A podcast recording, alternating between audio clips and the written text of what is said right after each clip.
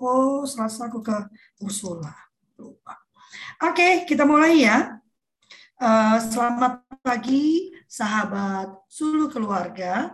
Uh, kita bertemu kembali dalam Kultur Parenting Pagi.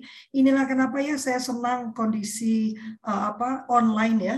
Saat ini Teh Yanti malah ada di Tangerang tapi sayanya sedang ada di Palembang, tapi tetap dan Kak Irwan sudah balik ke Bandung. Jadi tetap walaupun kami berada di posisi yang berbeda-beda, sangat berjauhan, tapi kami masih bisa melayani teman-teman untuk uh, berbincang, berdiskusi tentang topik parenting.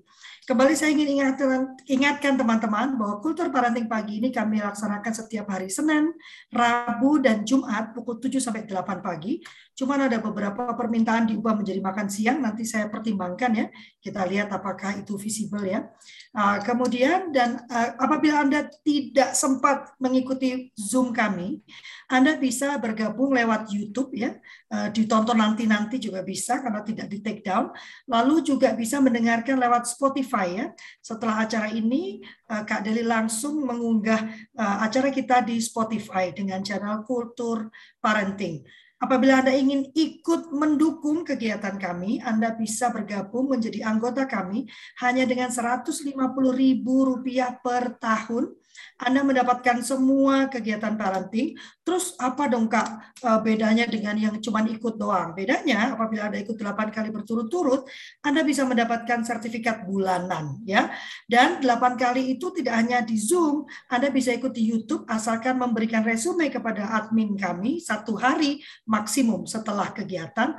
Anda tetap berhak mendapatkan link absen dan kalau dihitung minimum 8 kali Anda mendapatkan sertifikat. Dan diskon 20% untuk pelatihan-pelatihan yang kami selenggarakan. Dalam waktu dekat kami akan menyelenggarakan pelatihan coaching untuk orang tua dan guru ya, lumayan diskon 20% itu ya.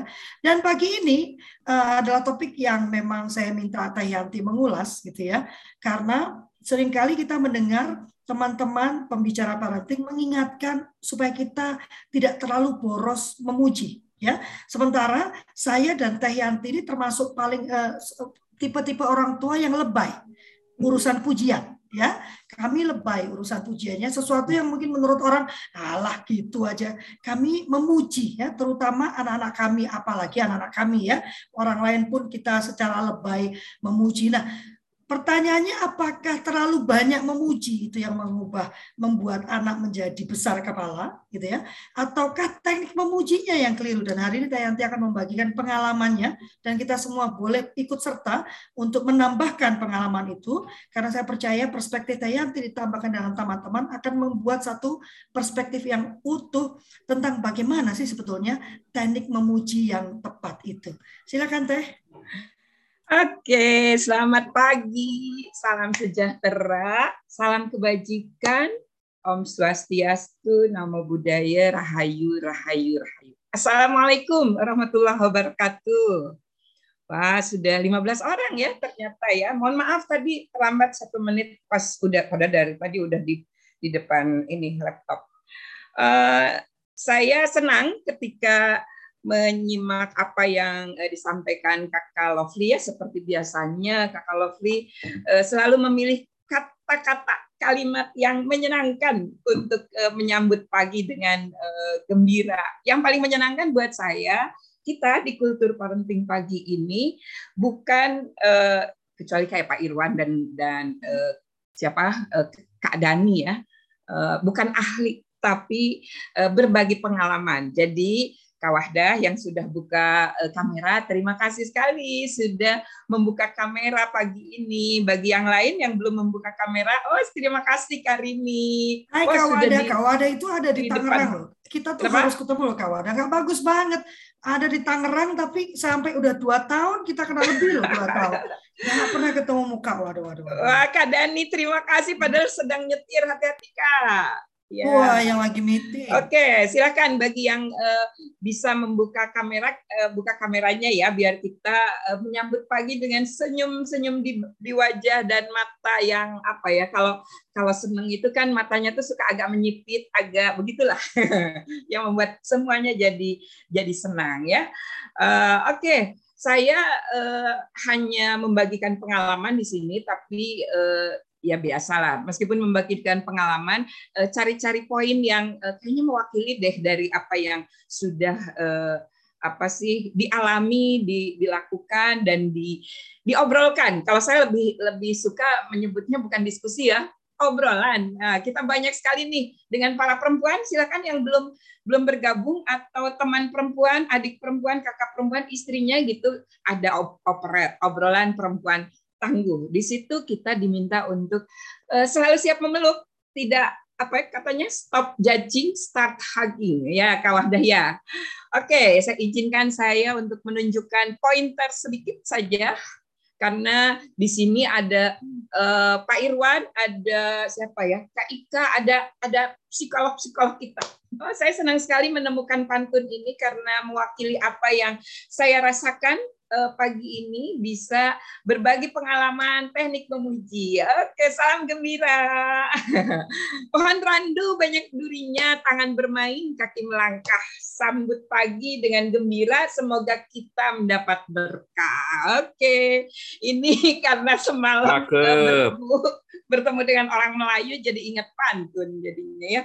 Oke, ya uh, seperti biasanya kita nggak perlu repot-repot ya mencari atau merumuskan apa definisi tentang kata-kata yang ingin kita uh, olah gitu ya dari uh, diperkaya dengan pengalaman kita. Ternyata dari sisi uh, maknanya, pengertiannya, kata memuji sendiri sudah sudah sangat apa sih apresiatif ya melahirkan kekaguman dan penghargaan kepada sesuatu. Nah, ini akan akan sangat uh, penting uh, ketika kita uh, melakukan uh, apa yang disebut uh, memuji, apakah itu sudah melahirkan kekaguman, mengapresiasi, memberikan penghargaan kepada orang yang kita puji. Lalu uh, pujiannya sendiri apakah dilakukan dengan uh, apa ya pernyataan dari rasa pengakuan dan penghargaan yang tulus. Ini secara khusus loh di KBBI disebutkan pujian adalah pernyataan rasa pengakuan dan penghargaan yang tulus akan kebaikan. Eh, kalaupun ada keunggulan itu dalam kurung. Jadi artinya eh, apa ya? Fokusnya pada kebaikan tentang sesuatu. Hal yang terlihat eh, baik, lebih baik, sangat baik. Nah, itu yang dipuji dan eh, ini harus diakui dengan sepenuh rasa ya bukan uh, lihat uh, apa ya dalam maknanya pernyataan itu dalam kurung. Artinya yang penting tuh mengungkap rasa pengakuan. Bisa saja bentuknya pelukan seperti yang uh, kita lakukan di operet tadi ya start judging eh start judging eh salah terbalik ya. Stop judging stop judging start judging stop judging salah itu.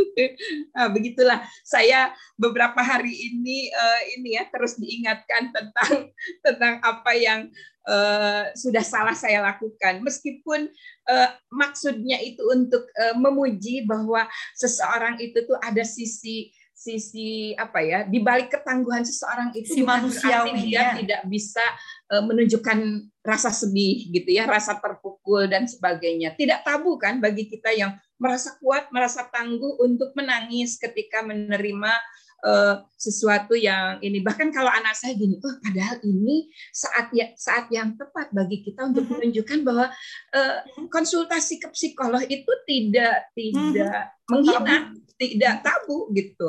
Uh, apa sih uh, tahu bahwa kita memerlukan uh, pengobatan yang khusus untuk rasa yang kita ini kan yang membuat kita tidak bisa istirahat dengan dengan baik itu bukan sesuatu yang merendahkan, tapi kan kita harus tetap uh, menjaga kesalahan terbesar saya adalah uh, minta maaf lagi deh nggak apa-apa ini jadi ajang untuk minta maaf. Kesalahan terbesar saya adalah uh, ini apa sih senang mengobrol. Ah itu juga jadi salah salah satu yang uh, perlu kita ini kan mengobrol ya tapi jangan sampai hal-hal yang disampaikan sebenarnya itu sesuatu yang privat jadi bahan obrolan gitu ya.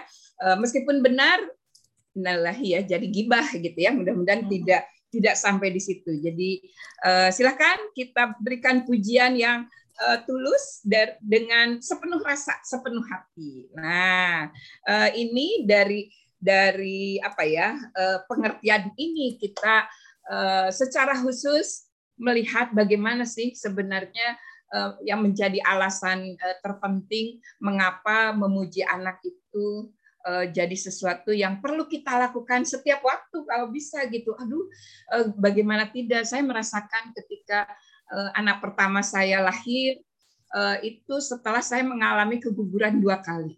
Jadi begitu anak saya lahir yang pertama rasanya anugerah terindah itu tuh Allah berikan sepenuh-penuhnya di sana gitu ya. Saya eh, benar-benar sangat bersyukur dengan itu. Nah, eh, ungkapan rasa syukur itulah yang membuat saya Kakak Lovely itu tidak berhenti untuk memuji anak ketika ada hal-hal baik, kebaikan-kebaikan dalam proses yang kita lihat ketika anak-anak kita tumbuh kembang dengan uh, baik. Nah, nanti kata baiknya ini yang perlu kita kita gali lebih jauh gitu ya. Mengapa? Karena di dalam memuji anak eh, menurut eh, apa yang saya baca selama ini gitu ya, ada dua hal yang sangat penting kalau buat saya. Pertama, mendorong anak berperilaku baik. Jadi eh, ketika kita memuji anak, pujian yang tulus saja tidak cukup, tapi ini akan jadi bermakna ketika membangkitkan hal baik baru yang ingin dilakukan anak. Nah, ini mengapa kemudian di dalam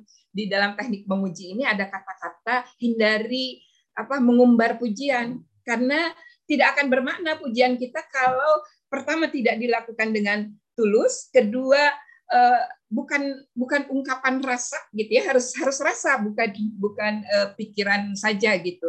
Yang ketiga ini apakah ini ketika kita sampaikan bisa mendorong anak berperilaku lebih baik lagi atau tidak gitu ya? Karena banyak uh, yang yang kemudian jadi membuat terlena gitu ya. Ini yang uh, uh, apa sih penting kenapa dalam teknik menguji itu nanti salah satunya uh, fokus pada proses gitu. Nah yang penting lagi ini nih ini memang apa ya hak azasi kita mendorong apa sih pemenuhan hak hidup bermartabat itu adalah uh, hak yang paling asasi dari kita ya. Bagaimana dengan pujian ini kita bisa membangun harga diri anak gitu. Jadi uh, ini loh dari dari berbagai literatur yang saya baca ternyata anak bahkan menurut saya uh, lebih kecil lagi ya, tapi literaturnya uh, menyebutkan anak usia dari usia enam tahun itu sudah bisa membedakan apakah tulus atau tidak. Tapi setahu saya sih bayi aja bisa kok membedakan gitu ya seseorang itu tuh uh, mendekati dia dengan tulus atau tidak. Sehingga di dalam agama saya di di Islam misalnya ketika ada bayi lahir kita mendoakan dari pandangan yang uh, ini yang yang buruk lah uh, bermaksud tidak baik ya. Uiduki di kalimatillah tamah wa min syaitan yuhama jadi benar-benar harus melindungi anak kita bahkan dari pandangan yang uh, tidak baik gitu ya. Tidak baik di sini bisa jadi hal-hal uh, yang merendahkan anak. Misalnya ketika melihat anak kok kayak gitu gitu ah kayak gitu gitulah. Itu aja uh, bisa dirasakan oleh bayi yang baru lahir bahkan gitu ya Nah, untuk teknik memujinya yang biasanya saya lakukan, nah ini pertama ujian itu memang harus spesifik, spesifik seperti misalnya ya ketika anak kita eh, apa ya merasa keasikan nonton tiba-tiba eh, terdengar eh, bunyi alarm gitu ya. Oh, ternyata anak kita eh, menggunakan alarm alarm di eh, ini gitu jamnya untuk mengingatkan oh udah 20 eh, menit menonton misalnya gitu ya. Nah, sampaikan. Terima kasih Nak. Eh, Ibu bahagia sekali gitu ya eh, mengetahui kamu menggunakan alarm untuk berhenti menonton setiap 20 menit. Nah, misalnya gitu ya. Itu itu hal yang sangat spesifik karena anak jadi ingat oh iya, kebiasaan baik yang perlu ditumbuhkan adalah melihat ke layar itu maksimal 20 menit dan dia akan terus melakukan itu gitu dan menunjukkannya bahkan seperti saya saat ini ingin mengajak kepada semua orang untuk uh, ayo jaga mata kita agar kita hanya melihat layar 20 menit. Nah, setiap kali melihat layar 20 menit, palingkan uh, wajah kita mata kita ke arah yang lebih luas. Kalau bisa jaraknya sekitar ya eh, nggak bisa diukur sih ya, kira-kira 20 20 meteran lah gitu ya. Ini kata uh, dokter uh, ahli mata bukan kata saya. Jadi seperti sekarang di kultur parenting pagi juga sebaiknya menyimpan uh, handphone atau menyimpan apa sih laptopnya itu uh, mengarah keluar gitu kan di samping tidak akan blacklight gitu kan uh, eh backlight juga tidak akan eh juga membuat kita bisa ingat oh iya tiap 20 menit kita lihat uh, 20 detik ke arah yang lebih jauh gitu ke depan. Biar kita uh, menjaga kesehatan mata kita. Yang kedua, tidak menguji berlebihan. Tadi ya, ini kaitannya dengan apa yang dirasakan oleh orang yang kita puji dalam hal ini anak kita. Anak adalah manusia, bukan setengah manusia atau bukan manusia dalam ukuran kecil. Dia bisa merasakan apakah yang kita lakukan itu berlebihan atau tidak. Kalau kita tidak tahu apakah yang kita lakukan itu berlebihan atau kita eh tidak, kita bisa mulai dengan uh, meminta maaf. Maaf ya nak, uh, apakah tadi yang ibu sampaikan itu uh, nyaman buat kamu gitu misalnya begitu karena banyak juga anak yang tidak nyaman di dipuji dan batasan berlebihan atau tidak itu rasa ketidaknyamanannya. Gunakan ini ya teknik apa question question are the answer. Jadi e, bertanya itu adalah e, jawaban dari apa yang kita duga-duga selama ini. Jangan berasumsi. Saya saya termasuk orang yang e, sering berasumsi dan dan akhirnya terperangkap dari asumsi tersebut. Balik lagi ke beberapa hari ini saya sedang menyampaikan permohonan maaf kepada uh, anak yang uh, tumbuh bersama keluarga peduli pendidikan. Nah, yang ketiga, fokus pada proses. Nah, ini uh, kita sering lupa merasa uh, sudah apa ya, sudah melihat gitu padahal bisa jadi kita tidak menyaksikan bagaimana anak misalnya uh, apa istilah ininya tuh ya tunggang langgang gitu benar-benar bekerja keras untuk bisa mencapai Eh, apa yang dia inginkan. Misalnya, yang dia inginkan di dalam rapot yang akan diterima eh, tanggal 23-24 besok, anak mendapatkan eh, apa namanya tuh komplimen apresiasi yang baik gitu untuk literasi dia gitu ya. Tapi kita nggak pernah lihat anak kita membacanya gimana, menulisnya gimana. Tahu-tahu kita langsung aja, eh, nah kamu sudah sudah berhasil uh, ini apa sih jadi jadi orang yang uh, literate gitu ya. Nah, ini terlalu apa sih istilahnya istilah anak-anak muda sekarang jumping gitu ya, langsung ke ujung. Jangan. Yuk kita mulai fokus pada proses. Ini sebenarnya menuntun kita sebagai orang tua untuk mendampingi anak. Berjauhan atau daring itu bukan berarti tidak bisa mendampingi ya. Kita bisa tadi kembali lagi ingat dalam dalam pikiran kita tentang apa question are the answer. Bahwa e, bertanya itulah e, kita benar-benar bisa mendapatkan jawabannya. Tanyakan dulu gitu. Itu juga bisa menjadi pertanyaan kita ketika di, diberikan dengan dengan e, sepenuh hati dan e, mengarah pada apa ya kita ingin tahu proses yang dilakukan anak itu juga bisa menjadi semacam uh, apresiasi, complimenting gitu ya uh, untuk uh, anak kita gitu. Nah ini lagi-lagi ya lakukan dengan tulus. Ini memang uh, seperti halnya uh, definisi yang tadi disampaikan di dalam eh, KBBI. Nah, kalau tulus pasti tidak akan diumbar gitu karena eh, spesifik terhadap apa yang dilakukan. Oke, saya tidak akan banyak menyampaikan karena pada dasarnya kakak-kakak di sini, teman-teman di sini adalah pelaku pelaku kayak pelakor eh bukan pelakor ya pelaku pelaku jadi yang melakukan dan saya yakin sudah Eh, memiliki cara-cara memuji anak yang uh, tulus itu seperti apa, eh, proses-proses apa yang perlu terus di, diberikan apresiasi. Saya misalnya meskipun dua hari ini tidak melakukan, tiap pagi itu membiasakan menulis di Kompasiana gitu. Betapa betapa bahagianya saya ketika Eh, kemudian ada yang memberikan istilahnya penilaian di situ, apresiasi, rating gitu ya. Dan ratingnya bukan eh, bukan apa sih ranking pertama sampai 10 enggak, tapi apakah eh, tulisan itu bermanfaat atau aktual atau inspiratif atau menarik gitu. Nah ini ini hal-hal yang bisa kita latih ya. Kita latih dengan ya paling mudah lihat lihat KBB KBB on, online lah. Kata-kata baik yang terkait dengan memberikan pujian, memberikan apresiasi itu apa sih gitu. Misalnya oh uh, ini apa sih? Misalnya ketika anak kita nanti nih pas menerima rapot mendapatkan uh, nilai yang uh, sesuai dengan harapan uh, Ananda atau harapan kita juga gitu ya. Nah, kita bisa bisa menyampaikan uh, bukan ke hasilnya sekali lagi ya, tapi pada prosesnya. Wah, uh, alhamdulillah ya uh, kamu ini gitu ya semester ini uh, mendapatkan hasil yang uh, kamu harapkan gitu ya juga ibu harapkan gitu. Ibu lihat memang uh, untuk semester ini kamu lebih banyak uh, membaca buku yang kamu suka misalnya gitu ya lebih lebih ke sana. Tapi benar-benar bukan sesuatu yang mengada-ngada uh, sesuatu yang memang kita saksikan uh, sempat kita apa ya kita rengkuh kita kita peluk gitu saat uh, anak melakukan itu. Oke, okay, sebagai pemantik uh, ini berbagi pengalamannya dalam bentuk pointers yang sederhana. Silakan Kakak Lovely. Ya, ya. Uh, kita sudah tahu bahwa memuji itu dampaknya baik gitu ya.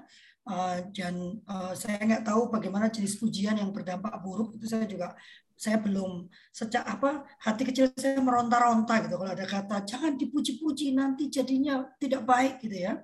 ya dan mungkin ada beberapa teman yang punya punya pengalaman terkait dengan puji memuji dan uh, apa atau pertanyaan terkait puji memuji karena seperti saya sampaikan tadi saya dan Tayanti ini termasuk orang tua orang tua yang lebay memuji ya. Kadang-kadang anak-anak saya dan kekasih saya pun menyampaikannya demikian ya.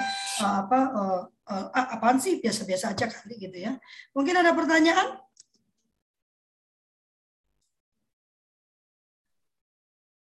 Yuk. Yuk saya bertanya. Ada yang mau bertanya kak? Ya kak Fatimah silakan. Nah uh, berhubungan dengan memuji. Kan memuji itu kan harus spesifik. Nah saya juga menerapkannya kepada uh, cucu-cucu kakak saya ataupun keponakan nah tapi reaksinya ternyata ini kalau dulu kalau anak saya itu kalau dipuji itu tampak seneng gitu ya tapi ini cucu dari kakak dan keponakan kalau dipuji itu jadi ini kayak malu gitu terus salah tingkah gitu Apakah itu karena anak kurang dipuji dari orang tuanya? Begitu.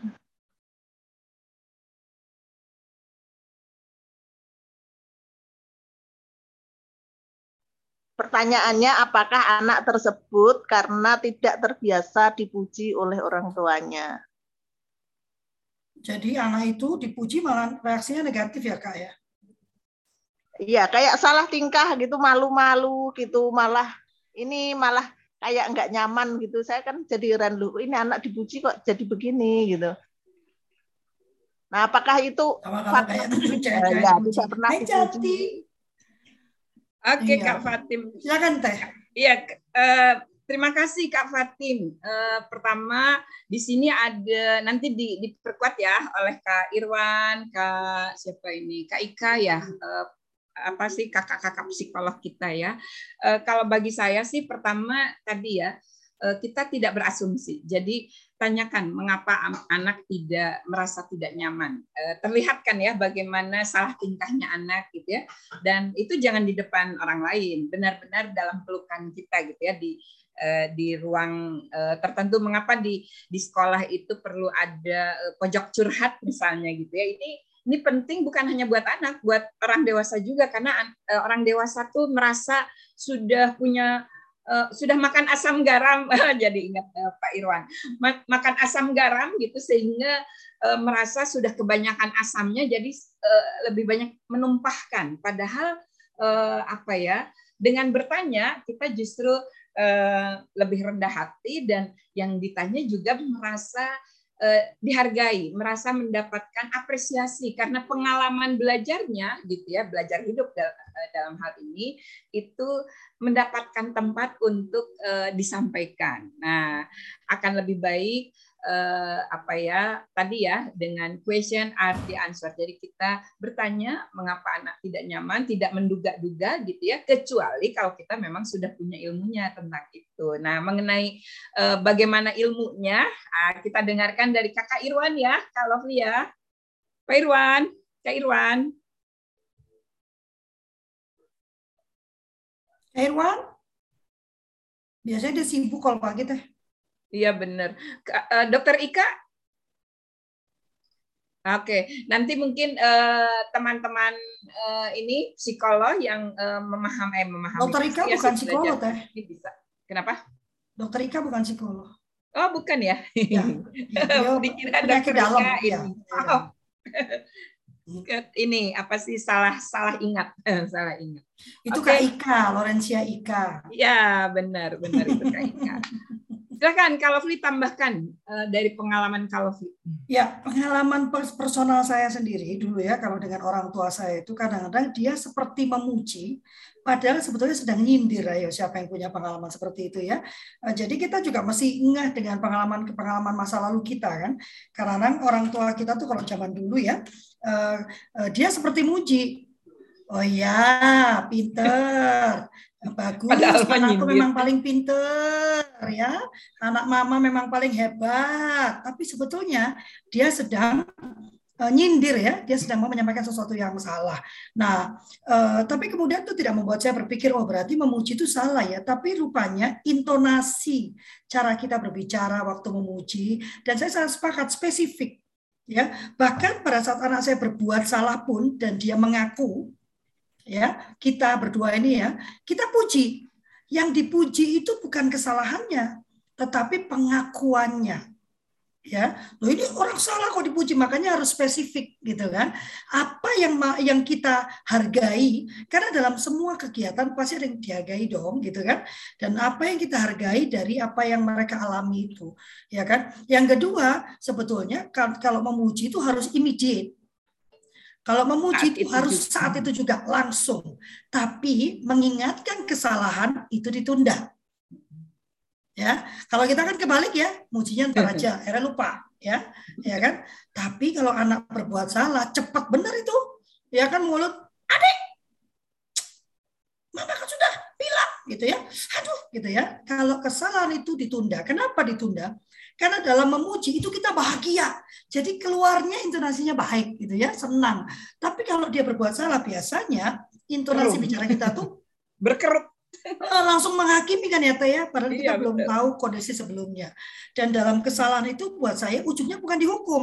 Dalam kesalahan itu adalah memahami apa yang salah dan kemudian dia belajar untuk tidak melakukannya kembali.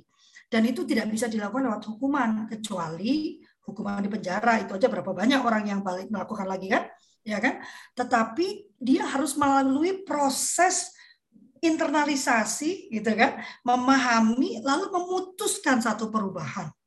Jangan salah sudah diputuskan satu perubahan yang muncul-muncul namanya juga manusia. Dede ya kemarin bilang enggak lagi lagi lagi lagi gitu kan? Jangankan dede ya mamanya aja ya Teh Yanti sering kali mengingatkan Lovely katanya udah nggak gitu lagi. Masih aja tetap kayak gitu ya tetap aja ya. Terutama kalau Teh Yanti sudah bicara tentang uh, ini apa diet. Tapi katanya udah janji makan ini kok tetap iya lupa ya gitu ya. Jadi memujinya segera me, apa menunjukkan kesalahannya ditunda. Memujinya spesifik pada tadi kita lihat saya bilang perilaku spesifiknya itu yang dipuji dan intonasi bicaranya mesti diperhatikan ya kan? Hai cantik. Oh anak mama cantik. Ya cantik cantik. Iya gitu ya. Ya itu nggak muji ya. Aduh anak mama cantik sekali Mama lebay. Hei, ya mesti lebay dong. Bangga ibunya punya anak yang cantik. Nah, anak-anak saya sering gitu. Mama, lebay. Ya, harus lebay. Orang mamanya senang. Kayak tadi pagi saya baru bilang, kok mama merasa mama sangat bersyukur ya punya anak-anak seperti kalian. Coba, kata-kata yang seperti itu tuh menimbulkan rasa senang loh pada anak-anak. Dan membuat mereka merasa, karena penghargaan terbesar sebetulnya, ayo kalau ibu-ibu, bapak-bapak mau jujur ya, penghargaan terbesar yang kita inginkan, yang kita rindukan, itu adalah dari ayah dan ibu kita. Biar kata semua orang bilang Anda hebat, ada yang kurang. Ya. Kalau uh, ayah ibu kita tidak menyatakan hal yang sama. Saya, kami berdua ya Teh ya, adalah korban-korban itu gitu ya. Kami tidak mendapatkan apa yang kami rindukan. Jadi jangan sampai kita mengulang kesalahan itu gitu kan. Lalu lupa untuk tidak mengakui, untuk menyatakan bahwa saya bangga loh punya anak kamu. Ya kan? Apa pun yang dikatakan orang luar kalau ibunya sudah tidak punya pengharapan pada anaknya sebetulnya di situlah masa depan anak selesai. Sama dengan istri ya. Istri apa pun dikatakan orang luar begitu istri itu meragukan kemampuan suaminya sebetulnya selesai sudah masa depan suaminya ya kan? Sama dengan istri juga demikian. Suami sudah mulai tidak sebetulnya dia sudah kehilangan segalanya. Jadi ya benar ya? Ya, ya kan? Wah ini jadi saya jadi uh, ingat ya uh, kemarin itu keponakan saya tuh ini agak-agak apa sih cemerut gitu. Karena uh, sebentar-sebentar gurunya nelfon ke ayahnya. Ayahnya sedang kerja adik saya ya. Terus ayahnya bilang ke anaknya kalau guru olahraga minta Ryan ikut lomba lari gitu kan karena Ryan yang terbaik di di sekolahnya terus nggak lama kemudian guru agama nelfon juga minta izin karena Ryan akan jadi wakil sekolah untuk lomba kaligrafi gitu ya. Terus uh, wali kelasnya ternyata Ryan uh, ini apa sih pelajar teladan jadi mau ikut apa sih olimpiade olimpiade begitulah gitu. Jadi dia bilang e, makan uh, ini apa sih teman Ryan tuh banyak. Ada kok yang uh, lebih lebih bagus dari Ryan larinya gitu. Lebih cepat katanya lebih ini gitu. Nah kadang-kadang kita ini bukan kadang-kadang ya kebanyakan orang dewasa seperti kita itu tak terhindarkan untuk melakukan apa sih semacam generalisasi gitu ya. Seolah-olah kalau seseorang itu uh, pintar gitu dianggap pintar itu semuanya itu uh, dia gitu tidak tertandingi jadinya gitu ya. Nah ini ini akan menjadi masalah ketika kita punya anak lebih dari satu gitu ya. Seolah-olah ah itulah kenapa anak-anak itu nggak boleh dibanding-bandingkan. Jadi ketika memuji, apalagi kalau menunjukkan kesalahan, itu tidak boleh dibanding-bandingkan. Dengan siapa pun, bahkan dengan diri kita karena beda zaman loh gitu ya tak terhindarkan memang kita suka bilang oh, ibu waktu kecil begini gitu. Bapak waktu kecil begini kok kamu begitu? Itu namanya bukan memuji gitu ya uh, membandingkan dan menuntut jadinya. Ah ada kak Dani tuh yang mau eh yang sudah raise kan kalau silakan kak Dani. Ya uh, makasih banyak teteh. Uh, luar biasa ya dan uh, seperti biasa lah maksudnya. Aduh seandainya uh, hal ini tuh bisa diketahui bisa didengar oleh banyak banyak apa uh, orang, orang tua, tua zaman gitu ya, sekarang ya, dewasa, ya. itu pasti pasti akan bagus sekali gitu. Nah kalau saya mungkin sedikit share uh, yang teteh bilang itu sangat betul itu yang saya rasakan juga ya uh, misalnya tuh ya kalau dibilang salah didik juga nggak bisa lah itu orang tua saya gitu. Tapi yang saya alami dalam uh, maksudnya saya menjadi sekarang uh, seperti sekarang ini karena uh, orang tua saya yang bentuk. Pada dasarnya sangat nggak pede gitu, nggak nggak punya percaya diri sama sekali karena ya itu da, merasa ditolak juga gitu. Jadi waktu kecil itu kan, wah kalau dapat nilai nggak bagus gitu, terus dibandingin sama anak anak tetangga lah, anak saudara, pokoknya intinya tuh, oh si ini begini, si ini dapat ranking segini, si ini dapat nilai segini, si ini dapat beasiswa apa pun juga. Dan saya semakin semakin nggak percaya diri, duh, semakin kecil dan kayak ditolak gitu sampai satu waktu saya pernah bilang ya udah kalau mama lebih bangga sama dia angkat aja dia jadi anak gitu. Saya nggak usah gitu. Karena itu yang saya rasakan merasa Banding terus gitu. ya. E -e, kayak nggak diterima sebagai anak itu nggak diterima apa adanya gitu. Hmm. nah jadi eh, dan saya merasa masih banyak mungkin masih banyak juga orang tua yang begitu gitu. Karena itu udah kayak turun temurun lah ya udah udah seperti itu kejadiannya. Nah kan yang berbeda dengan apa yang terjadi saat ini kan gitu. Kalau saat ini yang yang saya bisa belajar adalah ketika anak dapat nilai 5 sekalipun misalnya oh dapat nilai 5 itu yang terjadi kan kalau dulu kan dimarahin gitu kenapa kau dapat 5 oh, males ya kamu males bodoh atau apa pun juga. Kalau sekarang kan wow uh, luar biasa udah dapat 5 tapi kalau kamu belajar lebih rajin pasti lebih bisa lagi gitu. Padahal sama tuh dapat nilai nilai 5 cuman dengan pujian itu membuat anak kan jadi pede gitu. Hmm. jadi uh, ya harusnya banyak orang tua tuh ya bisa tahu inilah gitu. Eh, kayak saya sama anak saya juga ah, karena saya belajar dari dari kesalahan dan saya nggak mau uh, melakukan hal yang sama gitu. Nah, anak saya, uh, itu dia PD-nya udah sejuta PD gitu. Saya kalau ngomong begini aja sebenarnya, aduh, gemetaran. Nah, kalau anak saya di depan umum nggak tahu nggak peduli siapa, dia pede aja. Bahkan Tampil tanpa persiapan pun dia maju gitu. Karena beda beda beda ininya beda apa Eh, dari dari kecil seringnya dipuji gitu. Nah jadi pujian itu udah sangat penting banget. Jadi uh, thank you banget Teteh untuk untuk uh, udah sharing ini. Bahkan saya berharap bisa lebih banyak orang lah yang bisa dengar sharing seperti ini gitu. Jadi anak-anak uh, kita itu jadi anak-anak yang pede lah, bukan anak-anak yang minder kayak saya gitu. Nuhun nuhun pisan teh. Sawang Suna. Kakak Lovely, Kak Irwan sudah buka kamera. Ayo Kak Irwan ilmunya dikeluarkan. Menunjukkan bahwa ini sedang ngantuk. Saya baru sampai Mandi, sampai jam satu. Jam 12 malam, Pak Iwan. Iya, sampai rumah masih nyari PDH yang untuk reuni. Alhamdulillah dapat dan masih bisa dipakai. Besok kita uh, saksikan itunya fotonya. nanti foto besok. Jadi uh, saya ingat pernah waktu SMA itu suka bu baca buku Dale Carnegie dan dan ada satu buku tentang human nature dari Herbert and Kathen gitu ya.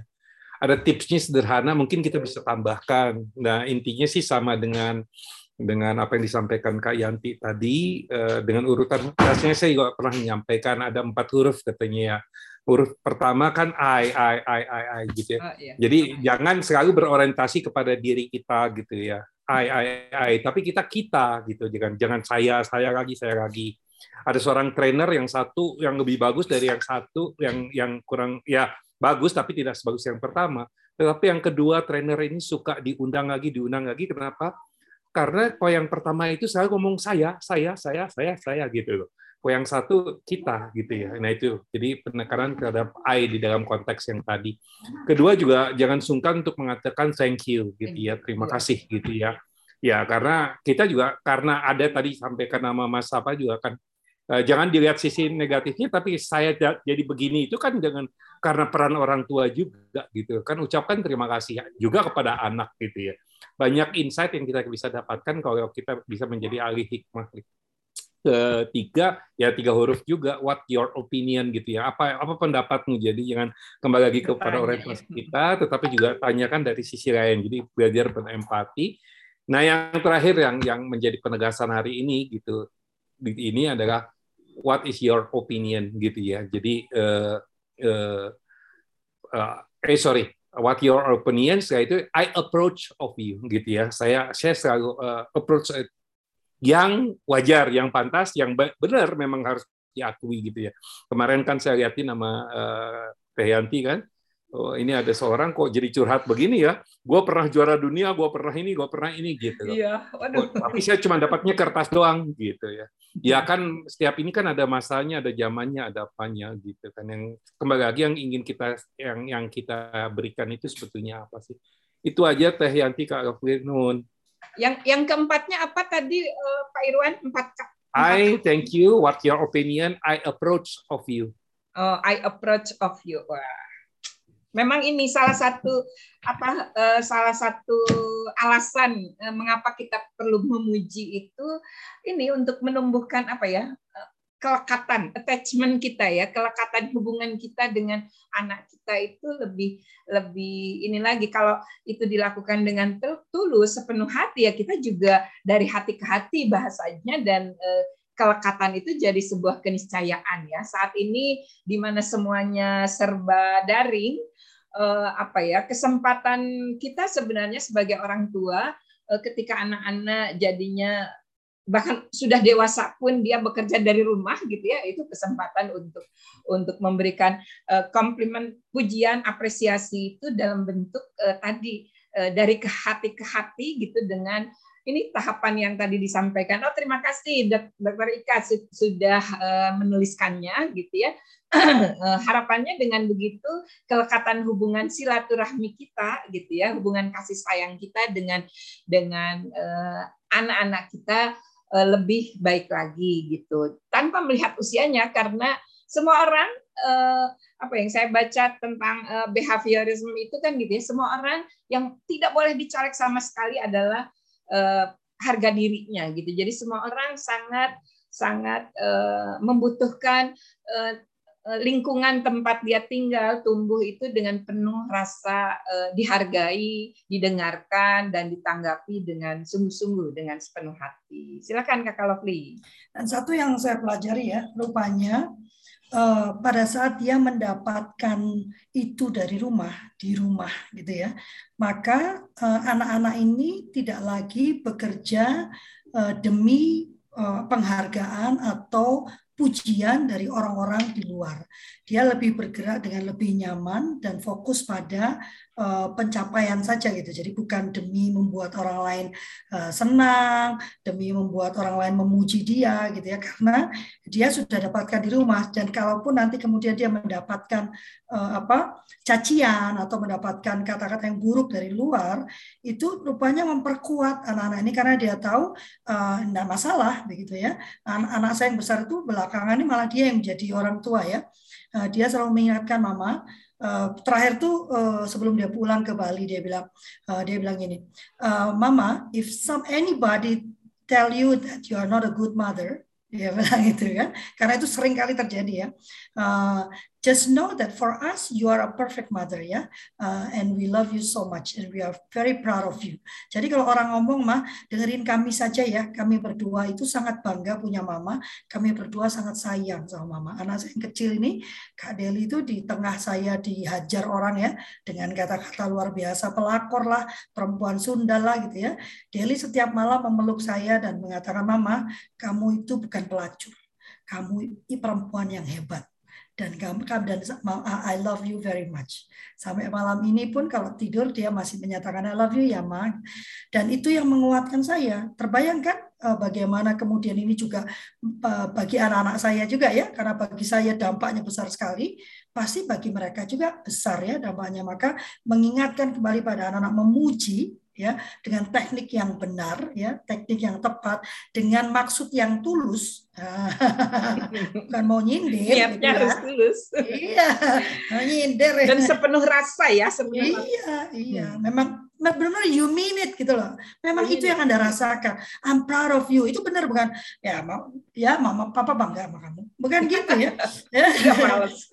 ya, ya, ya, ya, ya, papa bangga. Gak gitu ya. Tapi uh, I'm very proud of you gitu ya. Wow, mama bangga sama kamu. Kan mama papa mama, eh memang perlu apa-apa dulu baru mama bangga sama kamu. Enggak, mama bangga bahwa kamu sudah berusaha. Itu sudah cukup buat mama ya. Bahwa nanti ada hasilnya itu sudah urusan Tuhan. Hasil itu urusan Tuhan, tapi proses itu kita yang pastikan kita lakukan dengan benar. Ada lagi kah pertanyaan atau pernyataan? Ayo dong hari ini mengharu biru loh ini oh, topiknya ternyata ya. ya kan? Karena apabila kita sendiri merindukan pujian dari kedua orang kita, orang tua kita ya tadi Kak Kak Dani juga benar ya. Saya itu eh, sekarang mem, mem, eh, memimpin pujian ya. Jadi saya WL, artinya saya menyanyi ya di depan banyak orang memimpin orang-orang. Dulu ibu saya itu kalau saya nyanyi, padahal saya waktu itu sudah dikirim eh, mewakili sekolah ketika provinsi ya. Tapi kata ibu saya, aku tuh kalau kamu nyanyi malu aku. Suaramu itu jelek banget gini gini. Nah, saya udah sampai ke tingkat provinsi gitu ya. Sampai hari ini yang belum berani saya lakukan lagi adalah menari. Ini juga salah satu yang beliau selalu katakan, aku tuh kalau kamu nari, tapi memang beliau itu almarhum itu, almarhumah ya, itu memang penyanyi yang luar biasa, suaranya bagus banget, ya, dan penari juga.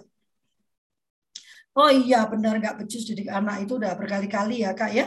Uh, tapi puji Tuhan ya sekarang setelah anak-anak saya besar malah gini. Coba tanya sama uh, sama Lovely tuh itu Raka gimana Raka gitu ya. Zaman dulu ah selalu saja tertimbul kata-kata yang katanya itu anaknya nangis saja dibentak-bentak kan nggak mungkin gitu ya. Ada lagi, ini ini jadi curhat di pagi hari ya, menarik ya hari curhat curhat. Hari ini ada yang mau disampaikan dari tadi buka tutup buka tutup kamera kayak orang malu-malu.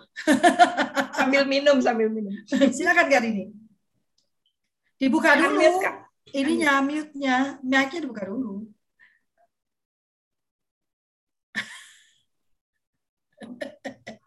Dulu sudah jadi dokter ya, Gai, ya. Sudah jadi dokter diomelin. Gimana?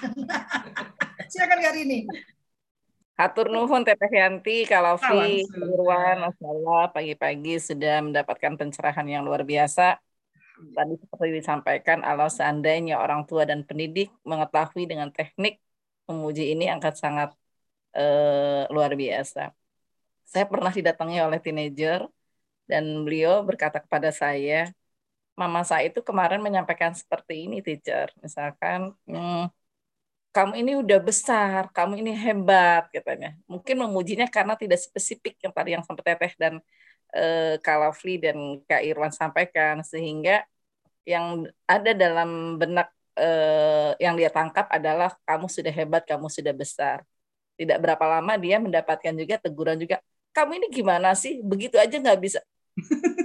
masih kecil, nggak usah pacaran dulu. Kamu ini masih kecil. Akhirnya saya bingung loh kemarin saya dibilang sudah hebat dan sudah besar.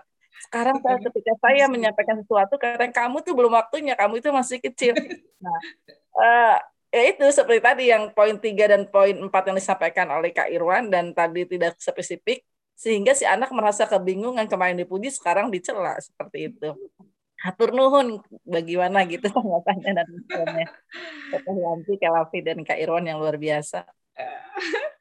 Ya memang itu ya Eh, kembali lagi memang kita ini eh, belum terlatih, bukan tidak ya, belum terlatih untuk melihat sesuatu itu dengan penuh eh, apresiatif sebagai sumber belajar gitu. Sehingga ketika melihat sesuatu tuh jumping ke ke ujungnya gitu. Dan ujungnya itu bukan apa yang sebenarnya di diraih oleh orang yang kita ajak bicara tapi apa yang ada dalam pikiran kita. Asumsi lagi padahal di kitab suci mana pun uh, disebutkan bahwa prasangka itu tidak pernah mendekatkan kita pada kebenaran gitu ya karena kebenaran itu ya milik yang maha kuasa dan itu harus terus menjadi bahan refleksi kita gitu. Nah, uh, masalahnya memang meskipun ya uh, katanya begini, saya saya dengar ini dari anak muda di uh, semua murid semua guru ya katanya uh, binatang itu tuh uh, kayak ikan gitu. Lahir itu sudah dengan keterampilan berenang.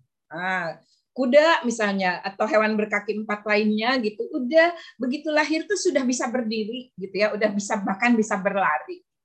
Manusia itu lahir tuh nggak bisa apa-apa. Tapi hanya manusia yang sebenarnya memiliki uh, apa ya kemampuan untuk uh, belajar. Jadi belajarnya ini tuh justru justru uh, banyak yang hilang gitu dari kita. Padahal itu kemampuan yang paling asasi yang kita kita miliki termasuk belajar untuk melihat yang spesifik tadi ya Kak Rini ya karena memang itu perlu berlatih. Nah, cara berlatih kalau saya dulu karena saya memang eh, apa ya sejak kecil tuh senang melihat eh, susah sekali saya punya buku karena eh, almarhum ayah saya tuh eh, apa ya tidak tidak bekerja gitu ya jadi ibu saya harus uh, banting tulang istilahnya untuk menghidupi kami uh, tujuh anak yang uh, hidup gitu karena uh, putranya banyak gitu ya yang hidupnya tujuh gitu. Kebayangkan ya uh, itu jadi tapi saya keinginan saya baca buku tuh ini sekali. Jadi ada di rumah tetangga saya depan depan rumah itu koleksi ini kamus. Jadi saya memang kebiasaan membaca kamus kamus besar itu ya dan senang sekali melihat deretan buku-buku tebal gitu. Karena memang dari kecil itu jadi jadi healing gitu ya buat buat saya meskipun beberapa eh kebanyakan nggak bisa dibaca karena saya belum tahu bahasanya gitu. Kebetulan beliau memang ahlinya bahasa Perancis. Susah sampai sekarang pun saya nggak bisa bahasa Perancis itu ya. Nah, eh, kebiasaan seperti ini eh, ternyata membuat membuat eh, saya memang jadi terlalu formal. Jadi dulu saya suka bertanya pada anak-anak, Ibu ibu bicaranya sudah ini nggak kerasa nggak sama hati kalian kalau ibu tuh bicara dengan dengan rasa gitu bukan ini. Anak saya yang pertama itu seperti almarhum ayahnya gitu ya. Dia tuh tambeng tambeng apa ya? Uh, pokoknya kalau dia menyampaikan sesuatu itu uh, uh, tidak ber, punya presiden apa pun gitu. Tapi kalau orang yang nggak terbiasa merasa dikritik gitu ya termasuk saya juga masih aduh uh, ini anak saya nyindir apa ngeritik gitu. Masih seperti itu itu asumsi lagi gitu ya. Katanya gini ibu ini uh, selalu menggunakan bahasa yang uh, formal. Teteh saya suka katanya karena uh, Teteh jadi terbiasa berbahasa Indonesia yang baik dan benar meskipun Teteh lebih suka misalnya ngobrol dengan teman-teman dengan bahasa Inggris gitu ya tapi tahu gitu bahasa Indonesia-nya gitu. Nah, ini juga perlu latihan lagi. Saya sampai hari ini pun uh, misalnya ini ya dalam dalam menulis saya lebih suka dulu menulis di Kompas misalnya dan uh, otomatis saya lebih suka nulis panduan apa gitulah yang seperti itu gitu. Nah untuk bisa belajar eh bisa menulis ringan, eh, saya di operat belajar eh, ini ada kelas menulis cerpen. Saya belajar benar-benar oh seperti ini gitu ya. Jadi eh, kembali lagi dalam dalam eh, memuji juga eh, khusus pada pada kata-kata spesifik ini ini memang perlu latihan uh, panjang. Dan saya pikir sebagai pendidik karena kita semuanya pendidik ya sebenarnya sebagai pendidik kita punya kesempatan untuk terus belajar dari apa yang ditunjukkan anak-anak kita.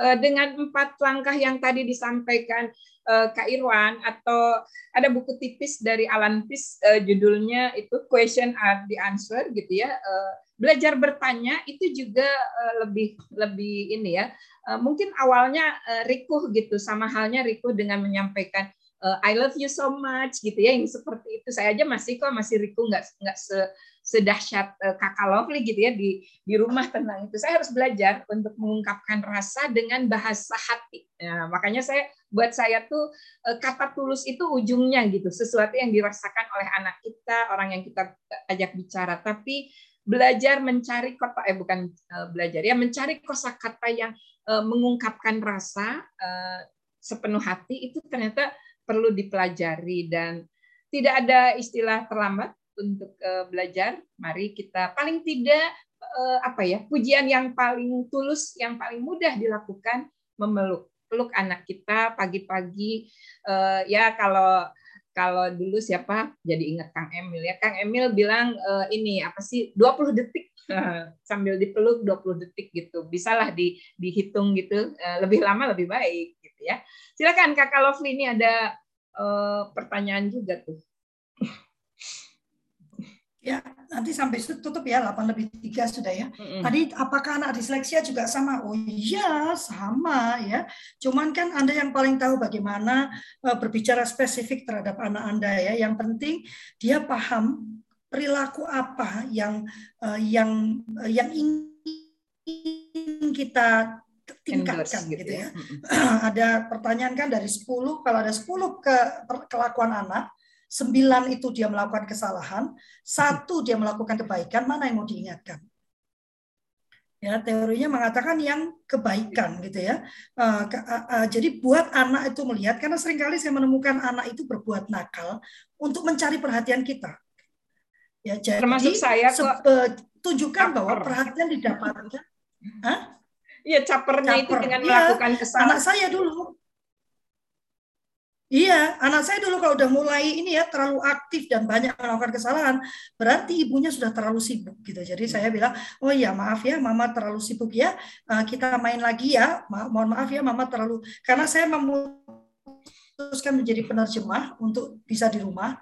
Jadi kadang-kadang saya juga ini ya ambil pekerjaannya kebanyakan gitu ya, hmm. dan sehingga nggak punya waktu untuk mereka. Jadi mohon maaf ya, mama ngambil kerjanya kebanyakan. Mama selesaikan ini, habis itu kita main ya gitu ya karena kalau mereka sudah mulai tidak bisa diatur gitu ya susah gitu ya melanggar terus oh ini uh, mereka ingin sekali mendapatkan perhatian nah sebelum itu terjadi sebaiknya tunjukkan bahwa berbuat baik itu justru membuat saya memperhatikan kamu gitu ya nggak perlu berbuat jahat nggak perlu nakal mama sudah sayang sama kamu gitu ya uh, karena kadang-kadang dia ingin supaya diperhatikan ya uh, dan satu lagi sih tadi uh, yang saya yang saya ini ya terpikir dari cerita Kak Rini ya kita tuh sering nggak konsisten pada hal-hal tertentu kita mengingatkan betapa mereka sudah besar.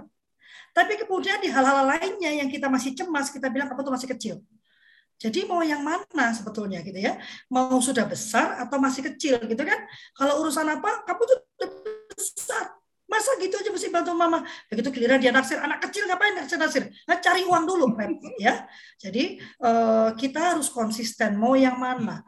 Beri kepercayaan dan tanggung jawab sesuai dengan yang kita mau gitu ya. Kalau udah besar ya sudah besar gitu ya. Tapi kalau sama anak-anak saya saya bilang gini ya, kalau mau kencan-kencan boleh, tetapi ya nggak pakai uang mama ya, cari uang dulu. Masa kamu bayarin pacarmu nonton pakai uang mama yang enak aja. Apa kamu mau mama pacaran untuk minta uang kamu kan nggak mau juga kan gitu kan. Jadi silahkan cari uang untuk membiayai pacarmu jalan-jalan. Yang nyebelinnya sekarang ya, eh, Raka ini saking inginnya Deli itu eh, kencan-kencan, jadi kalau dengar Deli mau pergi dengan teman-temannya, Raka yang ngirim uang. Mamanya tidak membiayai, kakaknya yang mau memastikan adiknya bisa eh, makan dan tidak dipermalukan katanya. Jadi ya begitulah ya. Teh Yanti silakan penutup. Oke, ini pagi yang uh, membahagiakan ya karena kita bisa berbagi dari pengalaman dan uh, ilmu yang kita miliki dari pengalaman maupun apa yang kita baca gitu ya. Terima kasih kepada Yang Maha Kuasa ya yang sudah mempertemukan kita uh, di sini.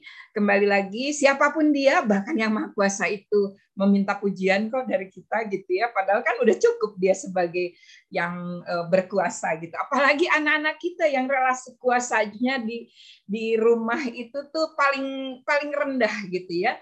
Uh, sebagai orang yang meneteskan inspirasi gitu kepada anak-anak kita dengan relasi kuasa yang Allah berikan eh, kita sebagai orang tua gitu itu anugerah terindah kita gitu ya kitalah yang harus uh, terus uh, dengan tulus memuji gitu. Kalaupun kita merasa garing gitu ya memujinya garing lah kalau kalaupun nggak disebut nggak tulus ya ya kita uh, segera minta maaf. Jadi kalau memuji kepada anak itu tadi kata-kata kakak Lovely disegerakan kita sebagai orang dewasa dengan relasi kuasa yang tinggi dibanding anak kita bersegera minta maaf gitu ya.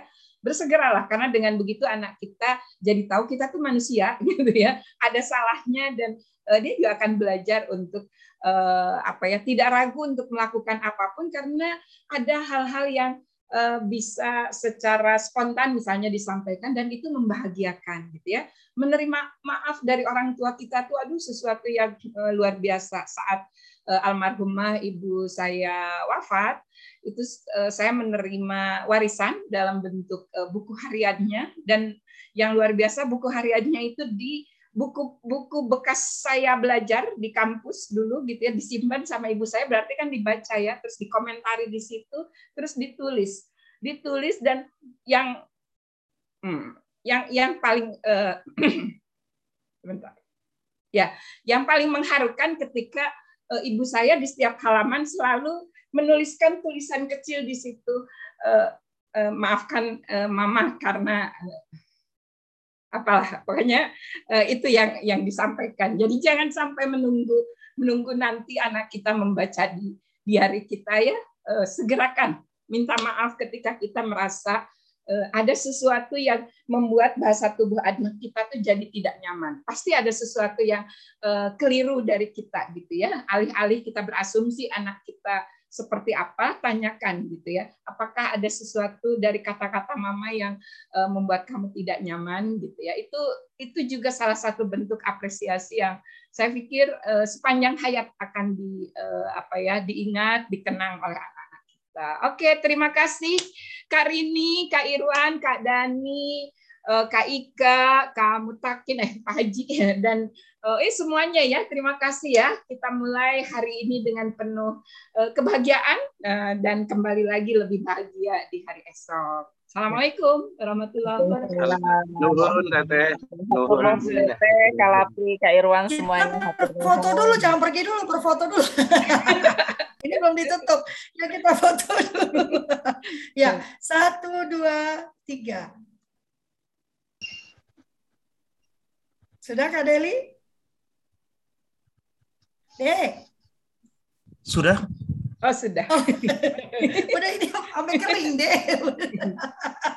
Ternyata sudah. Iya, terima kasih banyak sahabatnya semoga setiap hari. Irwan, saya Dayana. Terima kasih Karini. Saya masih ingat dulu pernyataan Tayanti ya. Setiap kali saya berkata uh, saya bukan ibu yang baik, dia bilang ibu yang baik adalah ibu yang setiap malam bertanya apakah saya sudah menjadi yang terbaik ya. Jadi terus bertanya apakah saya sudah melakukan yang terbaik itu yang menjawab Anda orang tua orang tua yang baik.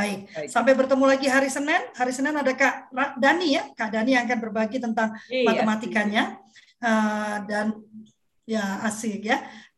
Uh, dan terima kasih banyak. Uh, kami memohon maaf apabila ada, ada pernyataan, perkataan atau gestur yang kurang berkenan. Kami tidak ingin menghina, tidak ingin memojokkan, tidak ingin menghakimi, tidak juga ingin menggurui. Kami hanya ingin membagikan apa yang menjadi keyakinan kami dan yang paling penting apa yang kami kerjakan dalam kehidupan kami sehari-hari. Sampai bertemu lagi Kak Irwan, sampai bertemu lagi Tayati. Kamu kalau di Jakarta apa kita ketemuan yuk? Atur-atur lah ya. Sampai kapan kamu? Ah, sampai malam. Kamu kamu pulang, aku pulang. Ya, elah udah pulang. ya udahlah. Oke, terima kasih banyak. Wassalamualaikum warahmatullahi wabarakatuh. Waalaikumsalam warahmatullahi wabarakatuh. Silakan isi formulirnya ya.